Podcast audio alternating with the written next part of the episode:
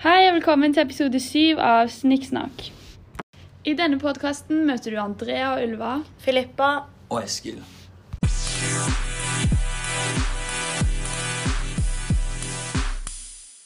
Så det vi skal snakke om da i denne podkasten, er filmen 'Luther', som kom ut i 2003. Så skal vi sammenligne denne med diktet 'Herregud, ditt dyrenavn og ære', som ble skrevet av Petter Dass på 1700-tallet. Filmen Luther er en mektig filmatisering av Luthers påvirkning på kristendommen i begynnelsen av 1500-tallet. Filmen tar for seg Luthers brudd med den katolske kirke og det kraftige oppgjøret med den hyklerske og kjetterske med den katolske kirke. Ja, det var jo her Luther måtte gjennom harde åndskamper, troskrister, avvisninger og sterke motstander, for han da endelig nådde fram med budskapet sitt om å frelse ved troen på Jesus og Det nye testamentet. Det var jo veldig viktig for Luther at alle skulle få sjansen til å lese Bibelen og ha et forhold med Gud som de selv hadde valgt. For tidligere så hadde jo Bibelen kun vært på latin, og det var bare paver og prester, altså høyere folk, som hadde fått sjansen til å lese Bibelen. Og sånn som vi ser da i filmen, så ser vi jo da at han eh, printer ut mange kopier av eh, Bibelen. Og det er jo da han står på tysk, er det ikke? Mm. For Luther valgte jo å skrive om Bibelen og oversette den til tysk, sånn at en større del av befolkningen skulle få kunne sjansen til å lese Bibelen. Og så som vi ser i slutten av filmen da, så resulterer jo dette i et håp for en hel verden, som siden har blitt inspirert og fornya fra de sterke katolske røttene, og bånd som har bundet og holdt den kristne kirke nede i så mange århundrer. Alt i alt er selve filmen en actionfylt drama om en av historiens største epoker, da middelalderen bana vei for renessansen. Og hvordan kraften bak en manns overbevisning var med på å forandre en hel verden. Ja, og I tillegg så revolusjonerte Luther den kristne troen og avslørte den katolske kirkes maktsyke med å holde seg tett inntil Guds ord som sitt fundament og lære. Så hvis vi skal fortelle litt hva diktet 'Herregud, ditt dyrenavn og ære' handler om, da, så er jo motivet konkret i diktet, hvor vi får beskrevet hvordan dyr og planter og livløse gjenstander skal lovprise Gud og hans storhet til evig tid, selv om mennesker noen gang skulle ha glemt det.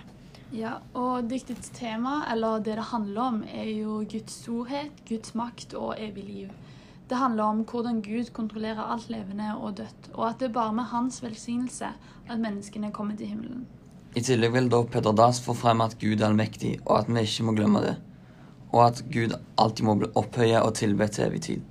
Og hvis vi da skal trekke fram litt sammenligner, da, eh, etter vi har sett filmen 'Luther' og lest diktet 'Herregud, ditt dyre navn og ære', så kan vi jo for det første se at begge vil få fram at Gud er størst og allmektig.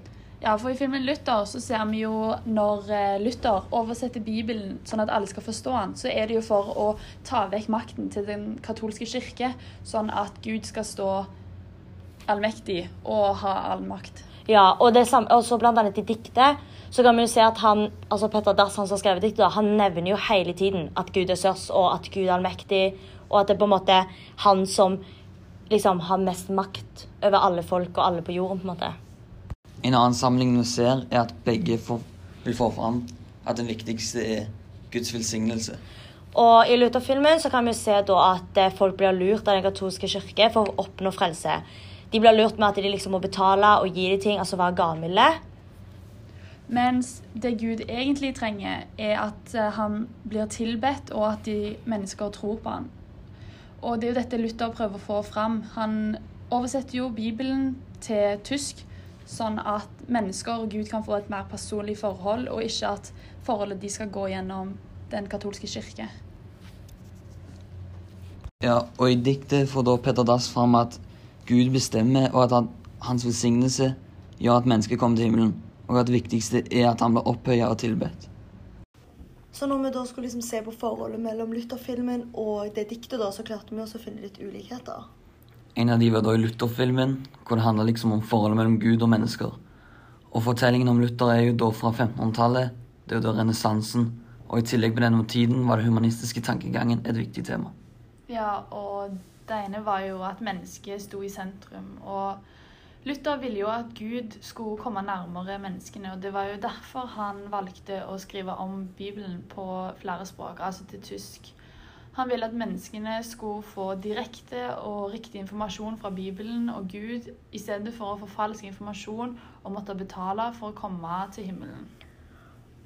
Og han mente jo også, eller han Luther da, mente jo også at det var at de fattige ble fattigere, og liksom de rike ble rikere. Noe som f.eks. vi kan se igjen da i bl.a.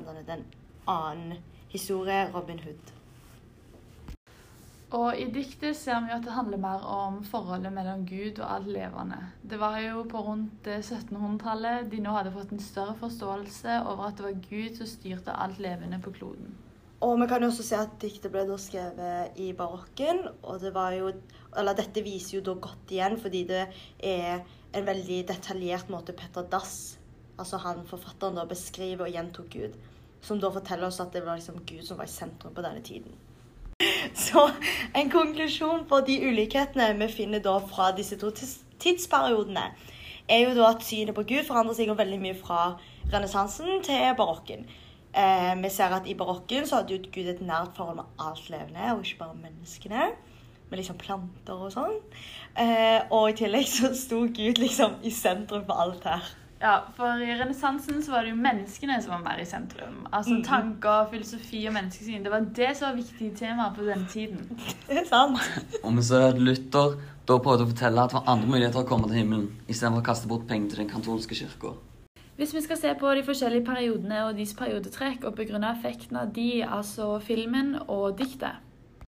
Hvis vi da skal liksom se på Luther-filmen, da, så ser vi jo at det, den filmen er basert på hendelsen som skjedde i begynnelsen av 1500-tallet. Hvor han liksom da baner veien for renessansen fra middelalderen. Og det var jo her liksom renessanseperioden starta, da. Og Periodetrekkene vi finner i renessansen, var jo at mennesket var i fokus. Og effekten av dette var jo at Luther gjorde at det ble et helt nytt syn på kristendommen. Og det gjorde han vel med at han eh, Gjorde sånn at menneskene kunne lese Bibelen. Ja. Så de får liksom Diktet 'Herregud, ditt dyrenavn og ære' ble utgitt i 1695. Og dette var jo perioden som ble kalt barokken. Og periodetrekk for barokken var jo at Gud står i sentrum. Tre begreper som viser godt hva barokken er, var, eller er allmektig, forgjengelig og detaljert. Og disse begrepene viser godt igjen i diktet. Hvordan de bruker begrepet allmektig i diktet, er at de får fram at Gud er den høyeste og har mest makt. Og dette gjentas gjennom hele diktet. Hvordan de bruker begrepet forgjengelig i diktet, er at de nevner mennesker og dyr som ikke vil leve evig med mindre de kommer til himmelen. For å komme til himmelen må de verdslige få velsignelse av de geistlige.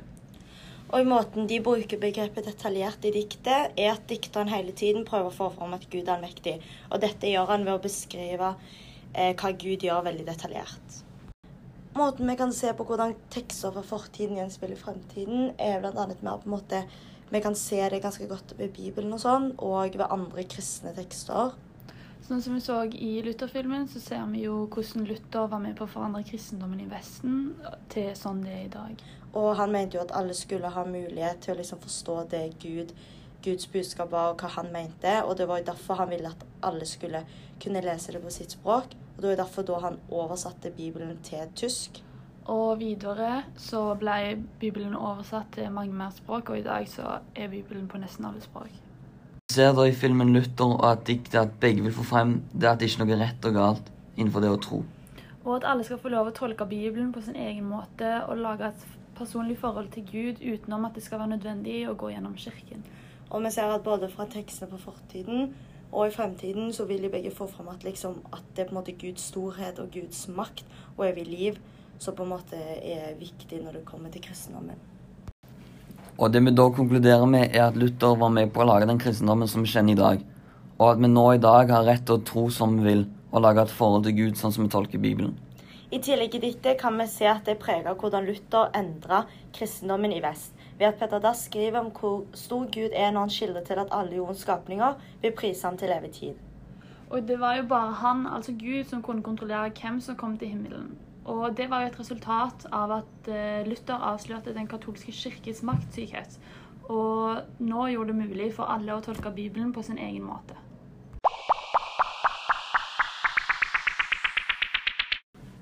Dette var da episode syv, altså siste episode av Snikksnakk, som jeg da syntes var veldig trist. Og vi håper du som har hørt på, har kost deg like mye som vi har. Have fun med podkasten! God jul! Godt nyttår!